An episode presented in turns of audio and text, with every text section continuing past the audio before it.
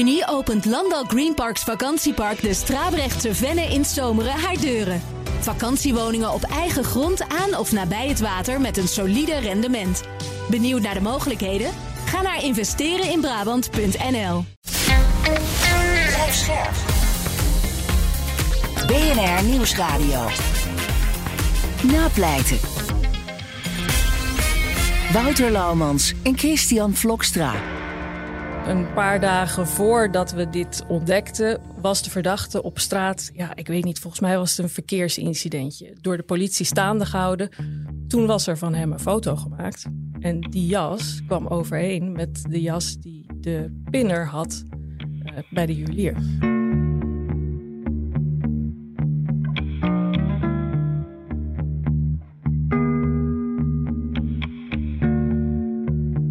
Hallo en welkom bij Napleiten, de podcast waarin we met advocaten en officieren van justitie praten over strafzaken die hen altijd zullen bijblijven.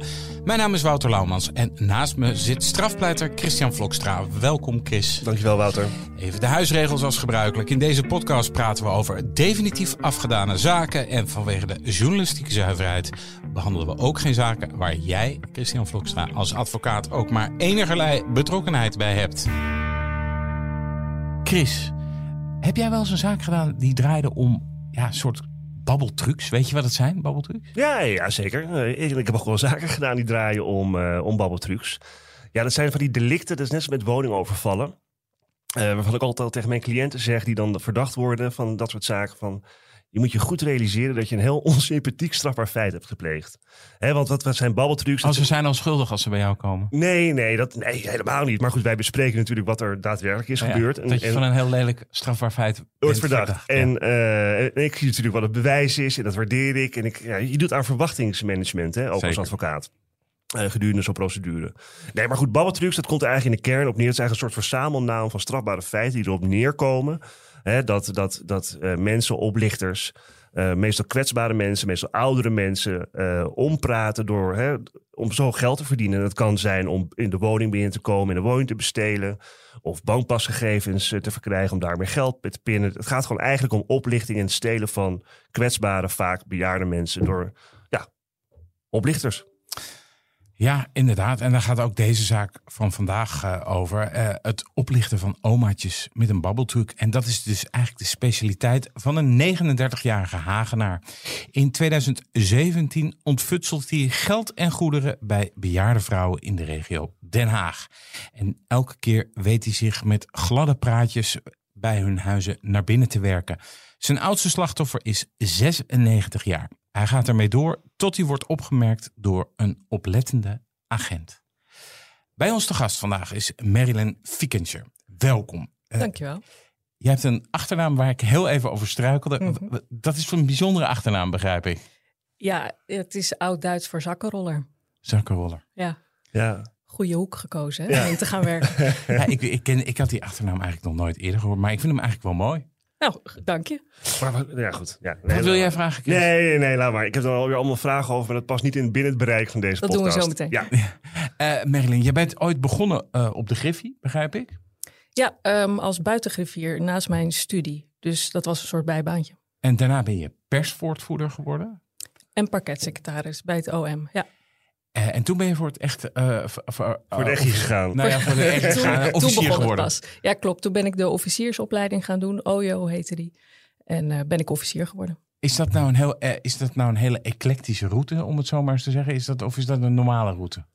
Mm, toen was het een normale route. Tegenwoordig is het allemaal weer wat anders. Omdat je tegenwoordig zes jaar werkervaring moet hebben. Dat had ik toen nog niet.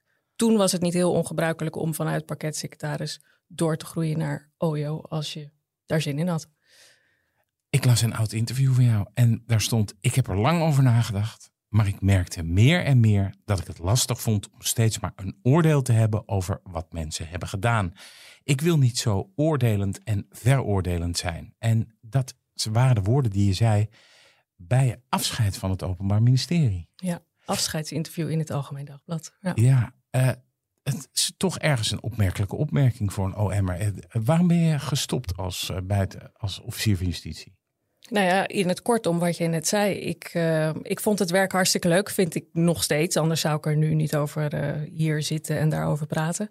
Maar ik merkte steeds meer dat ik een beetje last kreeg van het feit dat ik nou ja, op, een, op een podium stond en nou ja, nog net niet met mijn vinger te wijzen naar anderen van wat zij verkeerd hadden gedaan. Um, terwijl ik het vaak toch ook wel nou ja, kon begrijpen. Um, ik merkte dat ik het fijner vond om meer tussen de mensen te staan dan op toch die afstand die, uh, die ik ervaarde, laat ik het zo zeggen, als je officier bent. De staande magistratuur. Ja. Ja, ik vind het, mag ik heel even, ja, ik, zit, ja, ik vind het heel fascinerend. Ik heb jouw interview ook gelezen, mm -hmm. uh, Marilyn. Um, en ik kende je sowieso ook wel van, van Twitter, van toen je nog wel officier was, ja. volgens mij, want daar zat je ook wel op. Ja. Uh, maar even voor mijn begrip, hè, want ik moet altijd even de feiten even op orde hebben. Uh, dus tijdens je studie, toen ben je griffier geworden, of mm -hmm. buitengriffier, ja. bij de rechtbank Den Haag. Of, ja. ja. En toen na je studie ben je als pakketsecretaris gaan werken bij het Openbaar Ministerie. Ja. Um, en op welke leeftijd ben ik dan nog gewoon benieuwd naar besloot je van hé, hey, ik, ik wil, hè, want je bent eerst griffier geweest, mm -hmm. officier van justitie, nou je kan ook de advocatuur in of wat dan ook. Dat je dacht, ik wil officier van justitie worden. Nou, ik, ik studeerde dus rechten en toen uh, was er een, een uh, docent, of hoe noem je dat, op de universiteit, die zei, god, er is een vacature bij het OM. Ik was bijna afgestudeerd, misschien wat voor jou, parketsecretaris. En toen ben ik daar me iets meer in gaan verdiepen. Want nou ja, je weet misschien ook, als je rechten studeert, heb je toch ook weer niet een echt beeld van wat er nee. dan gebeurt in de praktijk. Nou ja, je bent al lang blij ook als je ergens terecht kan. Precies, ja. precies. En, en het leek me wel wat. Ik ging solliciteren en ik, ik zat daar en ik vond dat hartstikke leuk. En op een bepaald moment ging die, uh, die officiersopleiding open voor um, mensen die, die daar interesse in hadden. En doordat ik al bij het OM zat en daardoor meer zicht had op wat een officier van justitie doet, dacht ik, nou ja, dat, dat vind ik wel wat. Laat ja. ik dat eens proberen. En zo ben ik er eigenlijk ja, vrij gemakkelijk vrij ingerold. gemakkelijk ingerold. En ik was ook best nog jong, want ik was vrij jong afgestudeerd. En, en het was ook al vrij snel dat ik die officiersopleiding ging doen. Ik denk dat ik 25 was. Ja. Dus dat, uh, dat Ja. ging snel. Ja, wat, wat, wat ik opmerkelijk vind. Ja, sorry Wouter, ik neem het heel even, Ja, doe eh, maar. even tot me. Eh, dat je op je 34ste ben je al gestopt. Ja. Dus dat is eigenlijk, kijk, ik kan me voor, hè, dat je, dat is al vrij snel eigenlijk dat je, nou ja, een beetje op de rit bent, zeg Ja. maar, als officier van justitie. Ehm, eh, en ik vroeg me daar daarbij dus bij af. Omdat je zegt, ik ben, hè, ik las ook in het interview, hè, ik, ik vind die rol van veroordelen en beoordelen, Mhm. hè, dat vind ik lastig. En de afstand die er tussen mij is en, Ja. en de verdachte of wie, hè, wie er ook in de Mhm. zaal zit. Ehm, maar hoe, hoe ziet dat oordeel er dan uit? Ja, het is misschien een beetje diep, maar kijk, je kunt een oordeel hebben op basis hè, van de wet. Hè, Ja. Van je hebt een strafbaar feit gepleegd en er hoort een bepaalde straf bij. Hè, en, dat, en ik, ja, ik kwalificeer dat zo en daarvoor Ja. hè, doe ik deze eis. Of je kunt in de rechtszaal staan als officier van justitie en ja, ook daar allerlei andere kwalificaties nog aan Zeker. verbinden. Hè, waardoor Ja. het oordeel ook meer vanuit je eigen Ja. gevoel komt. En waar is dat voor jou het probleem? Nou, Want ik, vaak zie je natuurlijk bij officieren ook wel gewoon een combinatie daarvan. Dat is natuurlijk Mhm. ook heel menselijk, begrijp ik ook. ik, ik denk dat ik sowieso wel viel in die, in die laatste club, zeg maar, die je omschrijft. Ehm, ik zag altijd wel het verhaal achter een verdachte of een delict of wat dan ook. Maar uiteindelijk komt het er wel op neer. Ehm, kijk, en ik had daarvoor geleerd, dus in die zin was ik ervoor gekwalificeerd dat je iets moet vinden van wat iemand heeft gedaan. Ja, Ehm, en ja, in het, in het normale leven wilde ik toch ook gewoon een beetje met een open blik, onbevooroordeeld, onbevangen naar, naar de mens kijken. En ik had toch het gevoel dat ik daar iedere keer, ja, ik moest wat vinden. ja. Maar, dat, en kunt, uiteindelijk maar, moet je een straf eisen. maar je kunt toch ook iets vinden met inachtneming van zeg maar alle nuances die daarbij horen. Dat klopt. Eh, is het dan zo, ja, dan haal ik op er Wouter, maar ik vind, ik vind het fascinerend. Is het dan zo, eh want je zou ook kunnen zeggen, het is heel magistratelijk juist. hè, Mhm. dat je enerzijds een, ja, een normatief juridisch oordeel hebt over wat iemand gedaan heeft en wat daarbij past. En anderzijds een, hè, de, de, de, de, de context en de persoonlijke omstandigheden Ja. en alles wat daarbij hoort, daar ook een belangrijke rol in laat spelen. Mhm. Had je dan het gevoel dat zeg maar, binnen het Openbaar Ministerie als instituut, hè, heb ik het niet Mhm. over OM Den Haag, maar gewoon of je teamleider, maar gewoon als instituut, Ja. dat er te weinig ruimte voor is om die kant ook mee te laten doen als officier van justitie? Hmm, vind ik een grote vraag. En Ja, goed Ja. hè? Ja, dan komen we gewoon even lekker binnenkomen. Daarna gaan we over het zaak laten we beginnen. rustig beginnen en dan gaan we daarna precies. over de nee, zaak. ja, dat is prima. Maar Nee, maar het is echt Eh, mijn interesse. Het spijt me. Nee, ja, ik nee, nee, ik snap de interesse. ja. Het is natuurlijk ook een bijzondere eh, stap geweest. Ehm, ik, dat gevoel heb ik niet, maar kennelijk was het voor mij wel te weinig. Ja. Laat ik het zo zeggen. Ja. Je wil de vrijheid.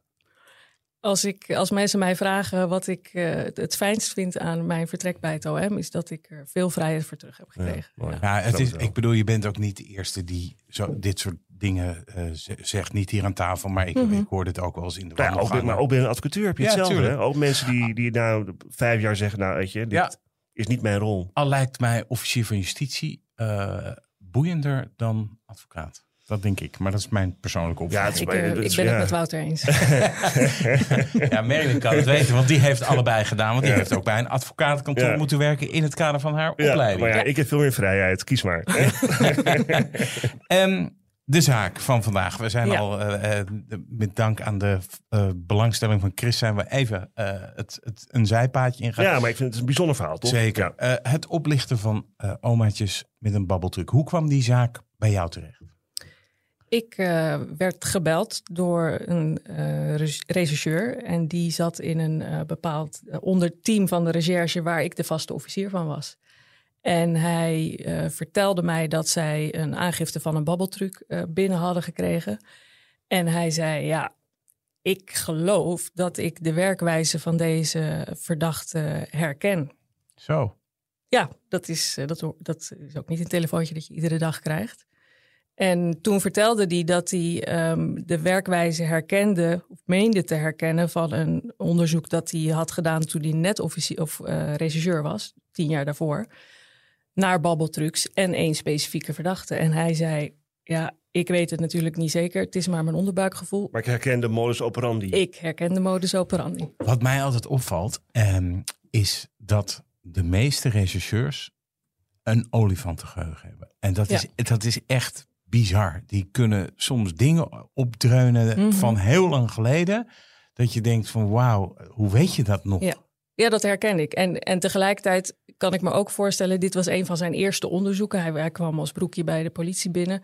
En dan heb je zo'n onderzoek waar je allemaal oudere vrouwtjes, de, waarvan je de aangifte op moet nemen.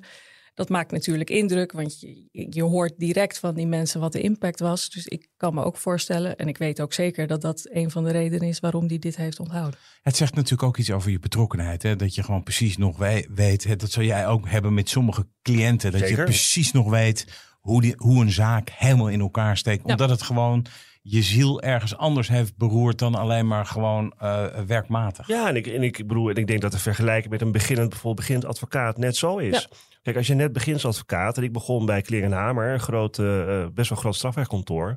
Uh, dan doe je in het begin uh, ja, politierechters hè, en, en, en, en, bezwaarschriften en dat soort dingen en raadkamers. Maar als je dan je eerste echte, nou, een beetje flinke MK-zaak hebt, en dat mm -hmm. is zo'n, dit, is, dit is een flinke babbeltruczaak om het zo maar te zeggen.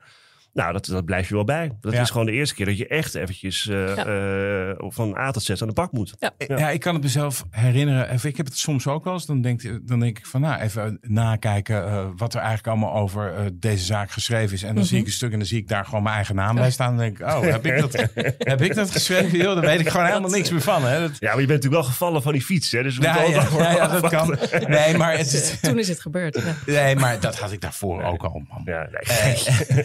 Uh, maar, en soms heb je zo'n zaak, daar weet ik nog alles van. En ja. de haar, zit je gewoon in de haarvaten. Het zit in, is een deel van jezelf geworden. Zo'n zo die, die, die agent, die komt bij jou. En mm -hmm. wat, besluit, wat, wat, wat doe jij dan vervolgens?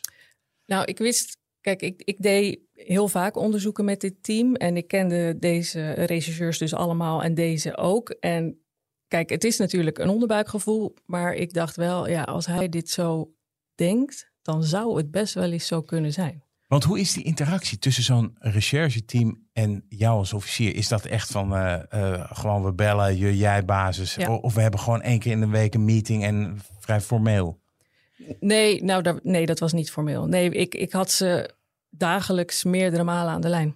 Echt waar? Ja. Okay. Maar hoeveel, hoeveel, want dat weet ik eigenlijk ook helemaal niet hoe dat werkt. Uh, hoeveel onderzoek, hè? je hebt dan, het is in Den Haag, hè? Mm -hmm. dus dan heb je een bepaald team waar, waar je veel meer werkt. Ja. Hoeveel onderzoeken draai die dan tegelijkertijd? Of... Hoe zit, of hoeveel onderzoek draai jij dan eigenlijk tegelijkertijd? Hoe zit dat? Dat Dat is een goede vraag, um, de, waar ik ook niet direct antwoord op heb. Ik denk dat verschilt namelijk ook per team en per officier. Nee, precies. Dus, precies. Uh, en dit team, nou ja, dat, dat zal je zo ook horen, dat, dat ging er wel voor. Dus ik Ja. had vrij veel zaken in de kast liggen. Oké. Dat je af en toe belt, nee, Ja. doe eens even rustig.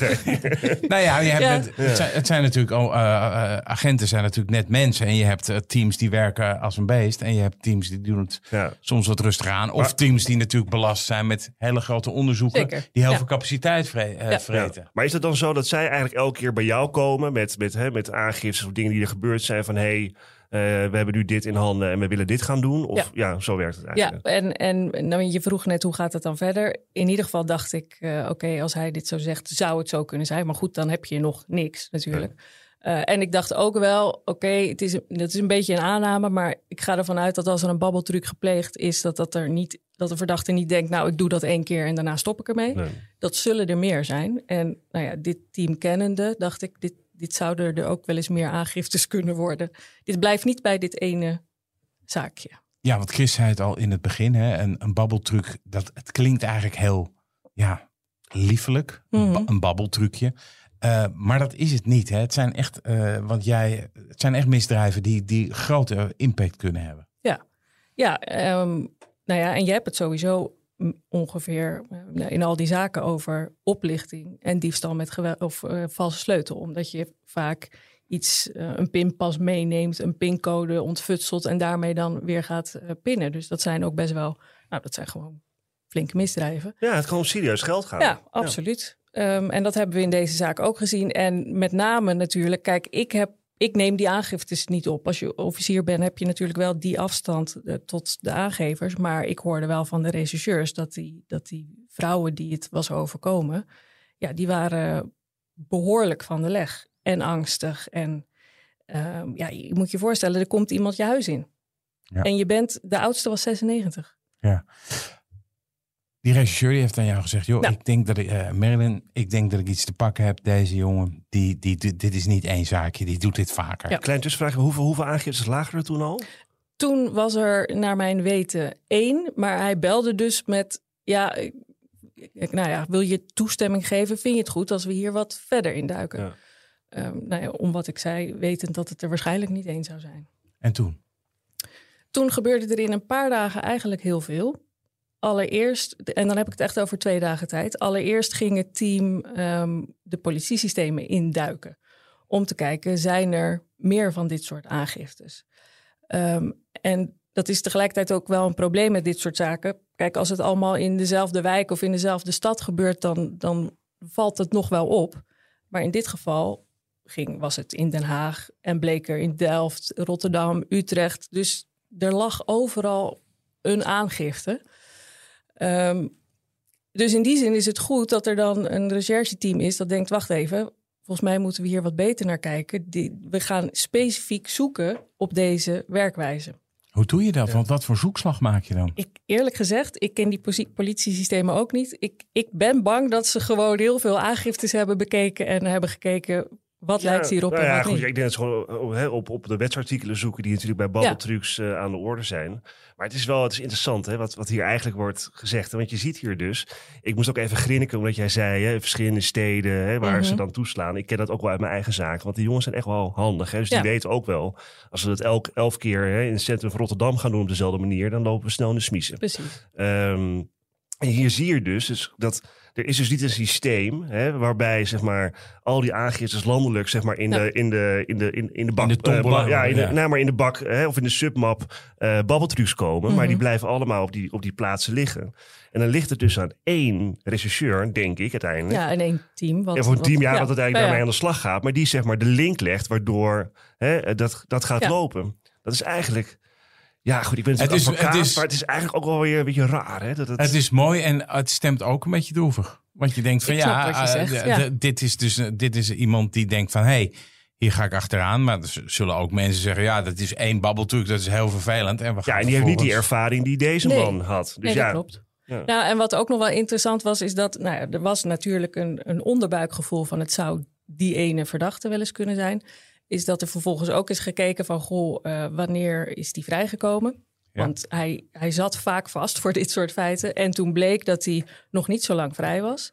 En dat deze werkwijze in de periode dat hij vast zat, die konden ze die niet terugvinden in, in de systemen. En die popte pas weer op op het moment dat deze verdachte was vrijgekomen. En dat is dan voor jou, zoals ze dat in vaktermen noemen, een plusje. Een plusje en eh, ja. Ja, wordt er zo gesproken? Dat noemen ze toch een plusje? Nee, ja, zeker. Ja, ik wist het wel hoor. Ik moet er Ja. altijd om lachen. Ja. Ja, maar goed, uiteindelijk heb je nog steeds niet heel veel. Want je hebt, ehm, nou, we hadden er toen volgens mij een stuk of tien, die allemaal dus diezelfde eh, werkwijze eh, lieten zien.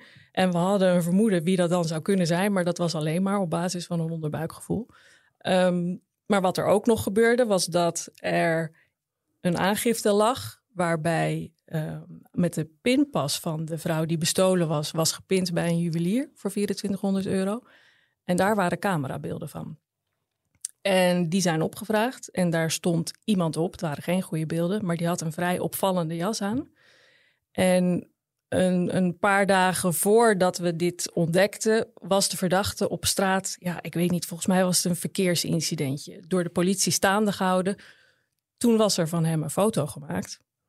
En die jas kwam overeen met de jas die de pinner had eh, bij de juwelier. Want deze verdachte die werkte alleen. Nee, er was een tweede verdachte bij. Ehm, want uiteindelijk gingen we natuurlijk eh, heel veel camerabeelden opvragen. Want dat was nog wel een beetje een probleem in deze zaak. Er waren niet heel veel aanknopingspunten. Ehm, want je had een aangifte van iemand die zei: Er is iemand mijn huis ingekomen en ik ben bestolen. En uiteindelijk is ook mijn, mijn, eh, mijn rekening leeggehaald. Maar ja, wat ga je dan doen? Je moet wel een aanknopingspunt hebben om enig onderzoek te doen. Maar, die, maar die, die pinautomaten, die hebben toch allemaal camera's Ja, en daar stond vaak die andere verdachte op. Ja, dat zie je wel vaker. Dat Ja. zijn dan de, de, de, de, de- Dat ja, de, er- ja, de tussenpersonen, ja. zeg maar. Ja. Maar ik zie ook wel vaak dan dat zeg maar, via die tussenpersonen komt men uiteindelijk vaak ook wel weer uit bij... Ja, maar als je, als je alleen beelden hebt met een man. Ja, Ja, ja. Wie is dat dan? En dat zijn dus ook altijd die dingen die je op opsporing verzocht ziet. Weet iemand wie Ja. deze twee vrouwen zijn die bij die pinautomaat staan? Ja, Ja. natuurlijk. Ja. ja.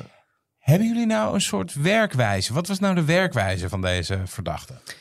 De werkwijze was dat het steeds ging om hele oude vrouwen die ehm, volgens mij ook allemaal met een rollator liepen. Die waren, nou ja, die hadden een boodschapje gedaan buiten eh, in het winkelcentrum of zo. Die kwamen thuis en vlak nadat zij thuis waren gekomen ging de deurbel. Stond er een man voor de deur die zei: Er is bij u ingebroken. Nou, die liep dan een beetje zo naar binnen en die, die trok gelijk ook allemaal laadjes open. Waar dus direct ook spullen werden meegenomen. Die vrouwen waren natuurlijk nogal overvallen. En die man die zei iets van: Goh, ehm, geeft u uw pinpas even, ehm, geeft u uw telefoonnummer even, dan kan ik met de, met de politie contact opnemen, kan de politie u zo meteen bellen. Zo, nou, Le- de eh, kastjes leeggehaald en daarna belde er iemand Van om de pincode te vragen van de politie, Zogenaamd. zogenaamd. Ja, Maar mag ik even vragen? Hè? zeker. Want ehm, je hebt dus een rechercheur die, die, hè, die heeft iemand op het oog op basis van deze modus operandi. Mhm. Ehm, eh, jullie hebben camerabeelden. Hè? Is er een jas die overeenkomt met een jas waar de verdachte... Hè, of waar, kijk, hij is op dat moment eigenlijk niet eens officieel nog verdachte Nee, misschien. was, maar in ieder geval... hè, allemaal nog niet eh, Eh, veel vermoeden. Hè, vermoeden, die jas komt overeen. Ja. Ehm, maar ja, dan gaan jullie, gaan, gaan jullie dan bij elkaar zitten. Want kijk, dat is volstrekt onvoldoende bewijs, dat weet Ja. jij ook. Ja. Maar gaan jullie dan bij elkaar zitten van, hey, hoe... eh, Gaan we eh, deze zaak nou ja, rondbakken? kijk, en los van het feit dat je natuurlijk niet alleen moet concentreren op die verdachte. Want ja, mogelijk heeft hij er, heeft, heeft hij er mee te maken of Mhm. niet mee te maken. Of hij heeft er misschien twee gedaan, maar die andere negen niet. Ja. Of er zijn nog drie andere medeverdachten. Kijk, je moet, dat is natuurlijk het punt. Hè? Ik bedoel, Mhm. hoe zorg je... er- Ja, goed, ik ga het niet voor jou invullen. Nee. Hoe leid jij Nou, dit? we- we wat, wat bedenk jij? Wat ga jij doen? We hebben het uiteindelijk ingevuld. En wat ook nog ehm, in die dagen naar boven kwam, was dat in een van de zaken van bij de, in de portemonnee van de aangever een pinpas van een andere aangever was gevonden. Oh. Ik weet ook niet precies wat het idee daarachter was, maar in ieder geval was het wel zo van, nou, we hebben hier dus zeg maar zaak A met werkwijze zus en zo. En toen was er zaak B, waarin de pinpas van zaak A werd gevonden met Ja. dezelfde werkwijze. Ja. Maar in ieder geval weet je dan, oké, maar die kunnen we wel aan elkaar linken. Ja. Ehm, maar inderdaad is de vraag, wat gaan we in godsnaam doen? Want eerlijk is eerlijk, het waren natuurlijk ook vaak, eh, of altijd allemaal oudere vrouwen... die niet per se altijd een heel helder signalement eh, gaven. Dus we hadden niet zoveel, behalve dat in al die zaken het geval was geweest dat die vrouwen net de deur uit waren geweest, een boodschapje hadden gedaan. Dus het enige wat we konden doen was die route in kaart brengen. En dus overal camerabeelden opvragen in het winkelcentrum, in het trammetje, wat ze dan misschien met, eh, met de rollator twee haltes hebben genomen. Uh, bij de appartementencomplexen, overal waar de camerabeelden waren, hebben we die opgevraagd. We hebben natuurlijk ook um, onderzoek gedaan naar die nummers waarmee de politie dan zogenaamd belde. Nou, dat, dat liep op niks uit. Um, maar uiteindelijk, al die camerabeelden uit Utrecht, uit Rotterdam, Delft, weet ik veel waar het allemaal was, bekeken. Althans, ik niet, maar de politie. Ja. Jeetje, wat een monnik. En dan was het. Er was heel veel werk. Ja. Nou ja, goed, weet je, ik denk altijd bij taps uitluisteren. Dat lijkt me monnikenwerk. Maar ja, dan gaan wij op ja. of topic. Wat ik altijd heb bij dit soort zaken. En ik, zie, ik kijk uh, als onderdeel van mijn werk ook elke week trouw opsporing verzocht. Mm -hmm. Ik word hier altijd razend van. Ik word hier zo kwaad van. Ik vind het altijd zo smerige smerige misdrijven. Ja, we hebben het hier eerder benoemd. Maar ik, ik, ook ja. als ik dat dan zo hoor. Een vrouw met een, een, rollator die een boodschap heeft gedaan. En dan ban je, zo, ban je je zo iemands ja. huis in. En dan denk je toch van... Wauw, weet je, stel je doet mm. dit bij uh, mijn moeder. Of uh, het, het, is iemand die schrikt zich daar zo het apenzuur van. Nee, ja, goed, het is, dat ik het bijna een soort verjaardagsvraag vind aan jou, Chris. Hoe kan je dit soort mensen beledigen? Nee, hoor. nee, maar goed, daarom zeg, daarom zeg ik ook aan het begin. Hè, het zijn hele onsympathieke delicten. Ja. Hè, ook in een rechtbank. Ja. Uh, er zit niemand daar. Het is, gewoon, het zijn gewoon, ja, het is gewoon een lelijk delict. Alleen, ja, ik word er niet boos van. Ik bedoel, ja, het gebeurt, mm. weet je. Dat nee, is... Uh, ik snap het ook. Maar kijk, het wordt nog lelijker als er geweld wordt. Kijk, wat ja. ik zelf echt het allerlelijkste mm -hmm. vind, is echt gewoon mensen vastbinden, geweld. Ja, weet je, okay, in de nacht en dat soort dingen allemaal. Ja, maar goed. Uh, maar goed, het is absoluut een... een, Goed, een dat kan een, altijd erger. Ja. dat, dat, is in dit, maar dat is in deze zaak de godsnaam. Maar goed, misschien, Nee, maar nee, misschien nee. is wel een goede vraag. Dan speelt die emotie die Wouter omschrijft. En die hebben veel mensen. En dat Mhm. begrijp ik ook. Speelt die, speelt die bij jullie ook een rol? Of bij de politie? Of... Nou, wat wel een, een. Het was denk ik het hele pakketje. Um, en het feit dat een van die rechercheurs deze verdachte al kende. Dat we wisten dat, dat dit eigenlijk aan de lopende band aan de gang was met, met hem. Hè? Dat hij vaak uh, werd opgepakt, een tijd vast zat en dan weer dit ging doen. Dus het, het stopte ook niet. En, en in ons geval hadden we echt in heel korte tijd. hadden we ineens twaalf van die babbeltrucs. Ja, je wil ook niet dat dat maar zo doorgaat. Een voortdurend delict, heb ik hier geleerd Ja, van ja goed. Nee, dit, is- ja, dit, is, nee, dit is niet een voortdurend delict. Het zijn eigenlijk meer de Ja. delicten die, ja, die voortduren. Maar die camera Maar zeg ik het dan fout? Nou, kijk, een voortdurend delict is eigenlijk een strafbaar feit wat zeg maar zich de hele tijd blijft voortduren. Zoals ik jou ontvoer, ik zeg maar wat. Hè? Eh, en ik zal doe het dat voor de twee weken. Ja, dan is het, het, is het een In die tweede, ja, het Maar nu zijn, Ja. zitten er als ik, jou, als ik jou ontvoer en, de, en, de, En daarna en, mij. en Doris, onze fantastische technicus, hè, de dag daarna ontvoer, dan zijn dat twee aparte uh, Oh, strafbare oké, feiten. goed. Dan heb ik weer wat geleerd. Maar wat bleek uit die camerabeelden? Um, dat de verdachte daarop te zien was. En dat hij dus eigenlijk dan steeds in het winkelcentrum een beetje zo rond die vrouwen scharrelde. En ze gewoon volgde tot ze thuis waren. Ja. Oh, al dan niet uh, in de tram of lopend. In ieder geval. Ja, je zag ook, dat was toch ook wel met die camerabeelden. Dan zie je zo'n oude vrouw met zo'n rollator. En die wordt dan nog even geholpen omdat ze iets niet in het tasje krijgt. Of weet je, je ziet Ja. ook gewoon dat het kwetsbare oude mensen Ik word zijn. alweer weer helemaal nijdig. Maar ik, dat- zie, dat- ik zie het alweer gebeuren. ik, ben, ik ben rationeel, dus laten we even een vraag stellen Ja. dan. Want wat daar altijd, maar dat is wat dus echt zo, wat daar altijd een belangrijke rol in speelt, en bij camerabeelden, eh, zijn de herkenningen door de, door de verbalisanten. Weet je, die camera, ja, ik weet niet hoe scherp deze camerabeelden waren, Mhm. hè, maar dat weet je ook wel in strafzaken, Wout. Weet je, ik bedoel, heel vaak Mhm. zijn camerabeelden, zeker hè, die straatcamera's, Ja. eh, zijn niet altijd even goed. Omstandigheden zijn niet goed. Ja. Eh, hoe was dat hier? Waren dat allemaal keiharde herkenningen? Of dacht je van, nou... Nee, nee, nee. Nee, helemaal niet. Sommige wel en andere niet. Wat Nee. wel um, in ons uh, voordeel was, was dat de verdachte um, meerdere keren dan bijvoorbeeld die specifieke jas droeg.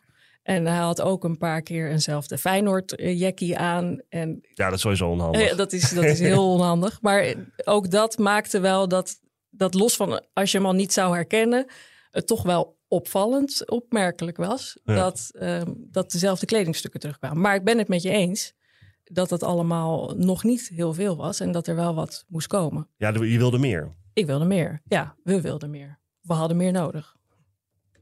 Ja, nee, ik, ik snap dit. En, uh, maar je denkt dan van, nou, ik, ik, uh, ik huppakee, die vogel oppakken en we gaan hem eens verhoren, zou ik zeggen. Ja. Of was dat niet de volgende stap? Jawel, we wilden hem graag aanhouden. Um, nou ja, omdat we ook best al wel wat feiten hadden, maar ook vanwege het feit, hè, wat ik net zei, dat het in korte tijd toch best wel uh, well, toch wel enigszins uit de hand liep met Ja. hoe vaak hij het aan het doen was. Ehm, maar we wisten niet waar hij woonde. Oh jee. Ja, dat, dus we, ja, we wilden toch wel weten waar die, waar die verbleef. Want A, we wilden hem aanhouden. En B, leek het me wel een goed idee Om te om, zijn, doorzoeken.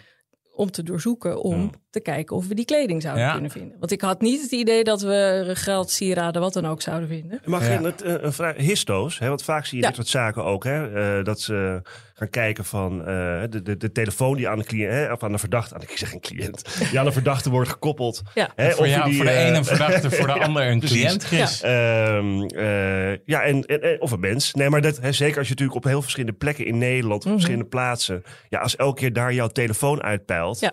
Hè, dan, dan heb je ook wel een, eh, een probleem. Was, was daar hier nog sprake Nee, want van? het waren allemaal van die wegwerpdingetjes. Ja. Dus nou ja, daar werd dan het ene telefoontje mee gepleegd eh, met die eh, aangeefster. En dat was het dan. Dus we Ja. moesten op de een of andere manier een, inderdaad een nummer van hem zien te krijgen om te kijken waar die uithing. Want de politie had echt, nou ze hadden eerst in die twee dagen al heel veel onderzoek gedaan. Vervolgens hadden ze een paar dagen lang alleen maar camerabeelden gekeken. En toen moesten we hem aanhouden. Dit gebeurde allemaal in een week van procesverbaal van verdenking tot aanhouding en doorzoeking. Ja. Ehm, toen, ze, ze hadden al allerlei onderzoek gedaan naar eh, vrienden, eh, weet ik veel wat, eh, oude verblijfadressen, van alles. Maar hij was gewoon niet, niet te traceren. Ehm, hij bleek een ex te hebben met wie hij kinderen had. En toen hebben we een tap gezet op de ex. Oeh, Om te kijken of zij contact zou hebben met hem. Ja, Ja. Dat, ja dat, op zich is dat een hele begrijpelijke stap. Hè? Ik bedoel, Mhm. je kunt, het is niet zo, veel mensen denken dat alleen maar verdachten getapt kunnen worden. Eh, maar dat is niet zo. Hè? Kijk, het is wel zo dat voor, voor een tap eh, moet de rechtercommissaris toestemming geven. Ja.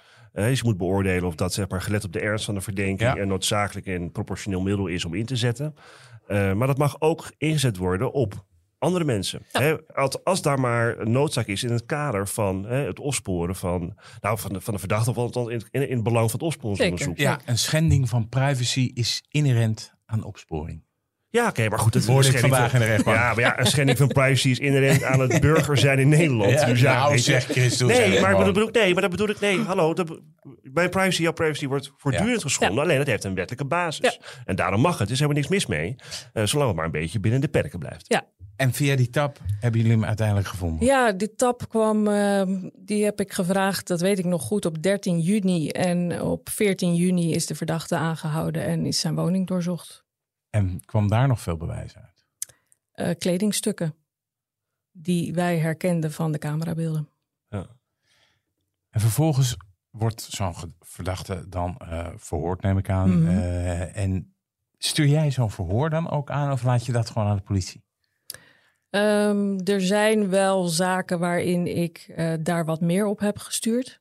Ehm, in dit geval denk ik dat ik daar niet erg op heb gestuurd. Maar mag ik even, nog even terug hoor? Want ik ben daar echt wel benieuwd naar. Want ja. eh, ik, als ik dan denk, als ik officier zou zijn, hè, ik, je gaat die verdachte aanhouden. Mhm. Dan moet je maar hopen dat die doorzoeking iets oplevert. Ja. Want anders heb je toch wel, nou, niet Nou ja, zeker in dit overtuigend geval, bewijs. Eh, nou, dan blijkt dat die kledingstukken worden aangetroffen.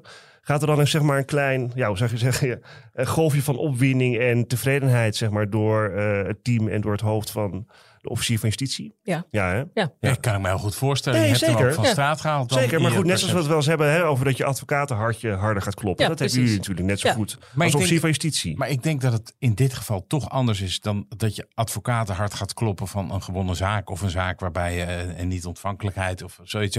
Hier haal je natuurlijk ook iemand die eh, een gevaar mogelijk kan zijn voor iemand anders. Die haal je van de straat. Ik denk dat dat toch een Je ander- zegt dat dit meer betekenis heeft, Wouter. en als ik nou een onschuldige voor de poorten van de gevangenis wegtrek. Ik, eh, goed, Ja. ik, eh, dat, dat is ook knap. nee, maar hoe goed. vaak heb jij dat gedaan? en hoe vaak... nee. Nee, maar goed. Golf van opwinding en dan het verhoor in en dan kijken wat jullie daar met deze verdachte kunnen bereiken. Ja. Ja. Dat klopt. En, en dat was daar, doordat we die kledingstukken hadden gevonden, werd dat verhoor ook weer iets minder belangrijk. ja. Ehm, En die medeverdachte dan, die werd ook opgepakt, of ja, niet? die is ook opgepakt. Ja. Ja. en die, die, heeft, dat- die zat uiteindelijk in de zittingszaal met hetzelfde kleding aan als eh, waar die mee op de camerabeelden bij de pinautomaat En wordt er, dan nog, wordt er dan nog gehoopt of geprobeerd dat bijvoorbeeld die medeverdachte hè, gaat verklaren over die hoofdverdachte? Of Was je zo Ehm, zeker van je zaak dat je dacht, nou, dat maakt mij eigenlijk Nou ja, niet ik, ik neem aan, ik, ik weet dat niet helemaal zeker meer, maar dat, dat ze dat wel hebben geprobeerd. Eh, maar nou, daar heeft, hij heeft daar verder Ja. niks over gezegd. Het zou leuk zijn geweest als hij daar iets over had gezegd. Ja, Maar was maar- jij met dit bewijs dat je dacht, nou, we zijn er? Ehm, ja. En eh, uiteindelijk kwam er ook nog een DNA-hit, want er was ergens een telefoontje bij een aangeefster achtergebleven met een DNA-match uiteindelijk met de verdachte. Nou, dat, dat was ook eh, fijn.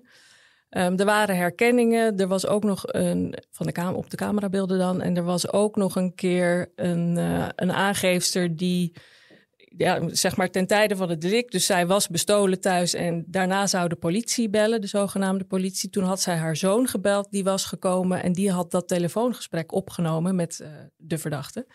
En daar eh, werd de stem van de verdachte dan weer herkend. Want ik kan me voorstellen dat als je slachtoffer bent geweest van iemand die zich heeft voorgedaan als politieagent, is het best lastig om dan, als de politie weer, de echte politie bij je op de, op de, over de vloer komt, om dan te denken, ja, klopt dit wel? Merkte je dat? Nou ja, sterker nog, ik heb ehm, nadat de verdachte was aangehouden, heb ik de recherche gevraagd om in die periode daarna bij alle aangeefsters nog eens langs te gaan. Om te vragen van, goh, wat was de impact? Hoe gaat het nu, eh, et cetera? Eh, is de schade vergoed, dat soort dingen. Eh, maar trouwens ook om te laten zien van, hey, deze zaak wordt opgepakt. Er is een verdachte aangehouden en eh, Ja. nou ja, er is echt wel wat mee gebeurd. Maar in één geval hoorde ik van de, de regisseur later dat zij daar hadden aangebeld. En dat was in een andere stad, was Rotterdam geloof ik. En toen eh, belden ze me later om te zeggen dat de Rotterdamse politie daar in de keuken had gezeten. Omdat die aangeefster, ja, die was natuurlijk door de Haagse politie gebeld van ja, wij komen zo bij u langs. En die dacht ja, het zal maar wel. Dus die had de Rotterdamse politie gebeld. Maar ja, die hadden dan weer geen idee dat de Haagse politie hiermee bezig was. Dus die werden bijna in de kraag gevat door hun eigen collega's. Zo'n soort film, weet je wel. Dat twee van die onderzoeken dwars door elkaar heen lopen. Ja, Ja. maar dat, dat laat wel zien dat, dat, dat, dat het nog heel lang voortduurt. Dat mensen echt angstig zijn. Ja, tuurlijk. De strafzaak. Ja. November 2017 ging die van start. Ja. Hoe ging dat? Ehm, nou, ik was ergens wel blij dat, dat het zo snel was gegaan. En dat, dat dat onderzoek zo kort was. En dat we zo snel daarmee op zitting stonden. Met Ja. eigenlijk, zoals we dat noemen, toch best wel een panklare zaak. Want hoe lang had dat hele onderzoek geduurd? Ja, een week.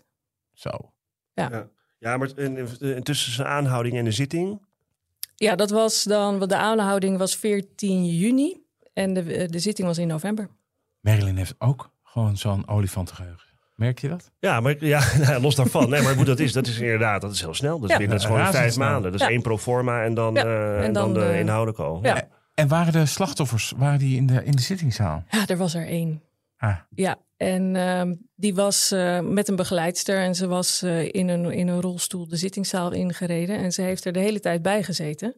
En ze werd een beetje narrig, is denk ik wel het goede woord, toen de advocaat ging pleiten. het, spijt, het spijt me. Nee, ja, dat, dat maken we zo vaak mee. En, ja. ja. precies. En Ja. hij deed dat. Ik, ik bedoel, ik ken deze advocaat. Ik heb vaker zaken met hem gedaan. Hij deed dat echt keurig. Maar goed, hij, hij, hij zat natuurlijk wel een beetje te, te, te wrikken aan de signalementen Ja. die waren opgegeven. Want was, wat was eigenlijk de positie die de verdachte innam in deze zaak? Ontkennen die, erkennen Nou, die? hij zei ze wel mond? van ja, het kan wel dat ik daar ben geweest, hier en daar. Eh, het kan zijn dat ik in de juwelier was, dat ik op die camerabeelden te zien was. Maar verder was het allemaal eh, Niks. niks. Nee, en zat, hij zat nog ook vast tijdens de Ja, ja, ja. inhoudsbehandeling. ja, zeker. ja. Ja, en, en die, die oude vrouw die was er dus. En die op het moment dat er werd gepleit, kon zij niet meer stil blijven zitten. En toen, toen riep zij ineens dat ze nog nooit zo vernederd was. Oh, En dat alles wat gezegd werd niet waar was. En dat ze de verdachte herkende. Ehm, nou ja, dus dat was een beetje consternatie. En de begeleidster die wilde haar de zaal uit ja, rollen. Ehm, maar toen, zei ze, toen klapte ze zich echt met twee handen aan de tafel vast. Toen zei ze, ik ga helemaal nergens heen. Ik blijf tot het eind zitten. Ik wil alles horen. Nou, dat heeft ze gedaan. consternatie alom. maar consternatie kijk, het is alom. makkelijk hè, om de advocaat weer... eh, want ik zie jou weer een beetje kijken, grinniken, eh, Wouter. Eh, maar het is niet makkelijk. Hè? Ik bedoel, kijk, als Nee, advocaat in, in zo'n zaak, zeker als het bewijs er best wel dik in zit. Ja. Je hebt een cliënt die, die misschien niks, niet zoveel wil, behalve een soort halve ontkenning. Ja, wat ga je dan doen? Dan ga je gewoon heel technisch kijken Van, hè, je gaat die, want die, die, die oplichtingstelastenleggingen die zijn echt niet zo heel erg makkelijk. Hè. Dan Nee, moet echt wel wat, je moet echt wel wat kunnen bewijzen als OM. Ja, dan ga je dat gewoon allemaal heel strak aflopen. En dan, ja, dan kom je er, ontkom je er ook niet aan dat je signalementen gaat lopen afvakkelen van oude dametjes Nee. die op dat moment in de zaal zitten. Ja. En Nee, dat, ja, dat is, dat is vervelend, maar het werk moet gedaan worden. Hè? Eh, De reden dat ik natuurlijk een beetje eh, glimlach is omdat ik het hier helemaal voor me zie. Zo'n oude mevrouw die dan even van leer trekt Ja, tegen een mooi, advocaat. ja. En in Ja. deze zaak vind ik dat ergens ook wel een beetje geestig. Ja. Kijk, ik heb natuurlijk ook wel bij eh, moordzaken gezeten. En dan kwam de advocaat eh, eerst naar de eh slachtoffers toe van... joh, ik heb, ik heb eh, alle begrip voor jullie situatie. Ik heb ook meegemaakt bij s- strafzaken dat het gewoon in de zittingszaal werd gezegd... joh, ik, ik snap de ernst. Ja, en maar ik het vind ook echt, maar ik vind ook dat, en dat gebeurt volgens mij tegenwoordig ook veel vaker dan vroeger. Maar dat komt natuurlijk ook omdat strafadvocaten ook veel meer geconfronteerd worden met dat slachtoffer dan vroeger. ja, absoluut. Ehm, en ik ben zelf, kijk, ik bedoel, we zijn uiteindelijk allemaal mensen, weet je. We snappen ook echt wel. Ook Chris is niet van eh, steen. nee, Nee, maar we dat snappen heus wel. wel dat, hè, dat het verschrikkelijk is wat sommige mensen overkomt. En zeker in heftige zaken, ja, dan, dan doe ik dat ook. Alleen het moet ook weer niet te ver gaan. Want je hebt ook je cliënt naast je zitten. En je moet ook niet de uitstaande rechtbank hebben. Ja, ik vind het ook allemaal verschrikkelijk hoor, mevrouw de rechter. Weet je, dat, maar het is gewoon, je moet mensen met respect behandelen. Ja, en zeker, en zorgvuldig behandelen, zeker in zo'n situatie. De eis, wat heb je geëist? Zes jaar gevangenisstraf. Jezus. Voor twaalf, ehm, twaalf feiten. Ja, sorry, ik hoor. ja. ja, dat was niet weinig. Ehm, en dat was vooral omdat ja, hij had een, een strafblad van meer dan 30 pagina's. Ja. En er stonden alleen, alleen maar, bijna alleen maar, moet ik zeggen, babbeltrucs op. Oh, en het was ook, ehm, ja, hij was net vrij en hij was weer begonnen. En ik las later ook in het arrest van het Hof, want de, de verdediging is in hoger beroep gegaan, dat, dat het Hof daar zei. ehm, het Hof sprak over een bijna beroepsmatige wijze waarop de verdachte dit doet. Nog eventjes misschien over het bepalen van die strafeisen. Ja. Eh, eh, hoe is dat? Want we hebben wel eens eerder gehoord van, volgens mij van Hetty Hoekstra hadden we het daarover. Officier van Justitie Hè, dat er een soort van officiersoverleg is, Ja. waar dan, eh, is dat hier gebeurd? Of gaat, Ja. was is het puur de richtlijn, de hoogte van het schadebedrag? Nee, het is, eh, ik heb dat hier wel gedaan. Er zijn gewoon zaken waarin je denkt, nou, ik, ik wil dat met anderen bespreken. Ja. En dit was daar wel één van, omdat het, eh, nou ja, omdat het er ook wel wat veel waren. Maar vooral vanwege zijn toch wel eh, dikke documentatie op dit vlak. Dus we hebben met elkaar gezeten inderdaad. En ik heb eh, verteld waar de zaak over ging. En dan mag iedereen daar eh, ja, zijn zegje over doen. En, Mag- en je, wacht Ja, even. sorry, ja. Het lukt dat jij ook echt Ja, je vinger opsteekt. Ja, als je dat moet ook. Want dat moet ook, anders krijg je het Anders, later. anders krijg eh, Chris gaat klappen. anders de hele tijd doorheen zitten tetteren. Ehm, hoe heet het, eh, ehm, wat ik me afvroeg is, weet je, was, er- heb, kwam jij met die zes jaar op de poppen? Want je zegt in het begin van deze uitzending, zei jij, dat oordelen, dat vind ik, eh, Ja. dat vind, maar je bent er dus best wel goed in. Eh, ik, ja, ik denk dat ik ook wel goed was in dat werk. Ja. Ehm, en, maar dit was ook wel weer een paar jaar voordat ik stopte. Waarmee ik Toen zeker niet wil. nog in je. nee, nee, nee. Ik had het vuur tot het eind. En het- ik zeg ook niet dat mensen niet gestraft moeten worden. Of Nee. dat ik dat. ehm, hè, dat- ik daar echt niet achter stond. Ik heb achter alle eisen die ik heb gestaan. Daar, daar, daar sta ik achter. Alle eisen die ik heb Ja, ik wilde dezelfde vraag stellen, dat Ja, ik merk snap je. hè? het. Maar Ja. ik, mag, mag ik- mag ik een, een- nog een klein zijvraagje vooruit. daar aan stellen dan Ja. later, als, als, je, als je me toestaat. Ehm, ehm, maar hoe, hoe heb jij dat recitator dan gedaan? Heb je dat puur technisch gedaan? Of, kijk, je zit, kijk, dat is natuurlijk Mhm. juist met deze zaak, met oude, hè, met oude dametjes. Het is natuurlijk, zit emotie. Nou, er was Ja. één, er was ook consternatie op die zitting geweest. Ja. Eh, het zijn natuurlijk hele lelijke delicten. Ehm, eh, hoe heb je dat gedaan? Heb je dat puur technisch en dan zes jaar eisen? Of heb je, heb je daar ook nog... Hè, en, en dat in verband met het feit wat je hiervoor hè, in het begin zei... Van dat je het moeilijk vindt om, om zo veroordelend te zijn. Ik, ik, eh, ik heb dat gedaan zoals ik dat altijd deed. Dus deels technisch, Ja. eh, omdat, er, omdat dat ook gewoon gevraagd wordt. Ja. En, ehm, en deels wel met nou ja, verontwaardiging of hoe je het noemen wil, die ik ook voelde in deze zaak.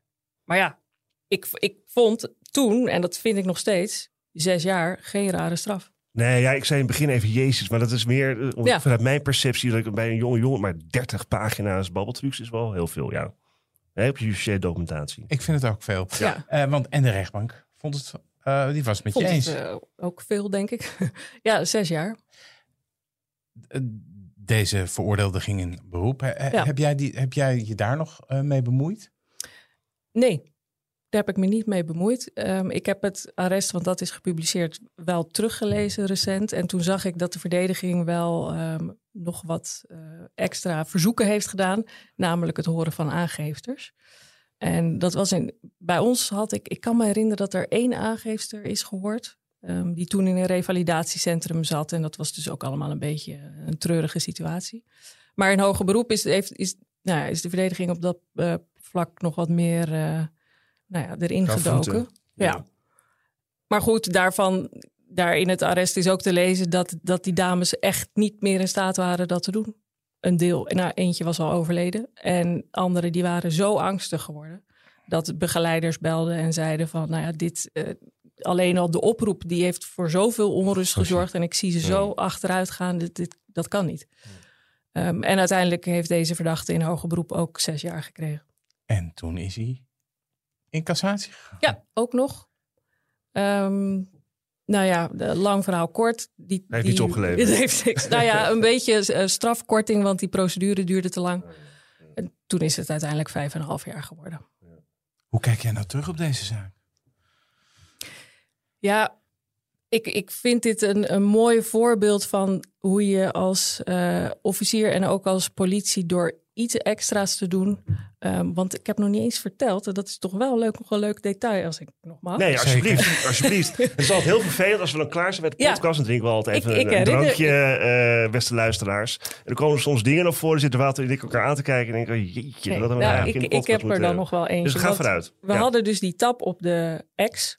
En de verdachte moest worden aangehouden. Maar uh, we wisten toen wel ongeveer waar die verbleef. Maar niet precies. Want je weet ook, die, die informatie die je dan, hè, al die data die je binnenkrijgt, het geeft een gebied aan, maar ja. niet precies een huis. En toen zei, de, zei dat rechercheteam, nou ja, dan gaan we gewoon de straat op, in dat gebied rondlopen. En dan gaan we net zo lang kijken tot we hem daar rondlopen, tot we hem vinden. En dat hebben ze gedaan. En Die toen bevlogenheid ze... is zo mooi. Ja, en de, de, daarom kom ik er ook weer op, omdat jij vroeg, wat, wat, wat blijft je bij in deze zaak? Als die bevlogenheid er niet was geweest, dan denk ik niet dat deze zaak was opgelost. Ja. Ja. Nee, maar goed, weet je, ik, bedoel, ik ben advocaat, maar ja, jij kent mij een beetje. Ik vind het ook heel belangrijk. In elk vak, of het nou advocaat is, rechter is, officier is, of politie is, of slachtofferhulp, reclassering, heb je mensen nodig die bevlogenheid, passie hebben.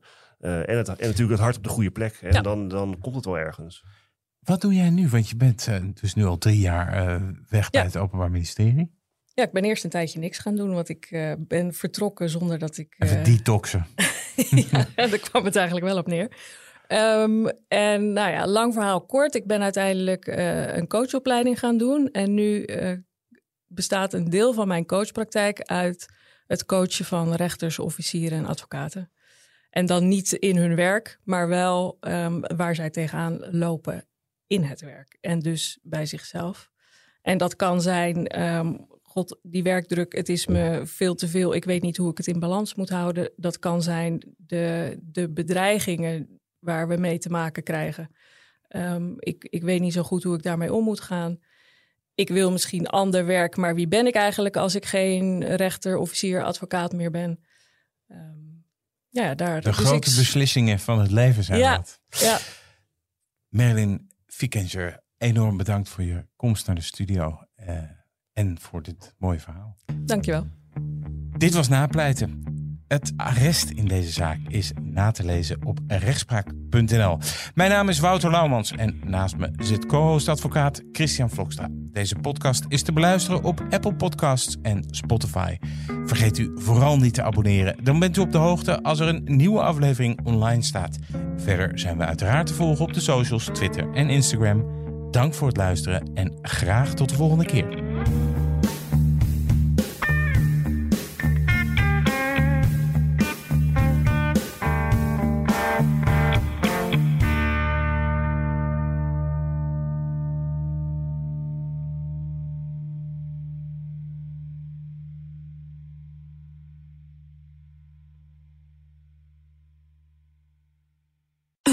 Vakantiewoning op een park vol faciliteiten? Zoals een binnenzwembad, twee recreatieplassen, sport, spel en horecavoorzieningen? Straaprechtse Venne heeft het allemaal, omgeven door heide en bossen. Lees meer op Brabantisprachtig.nl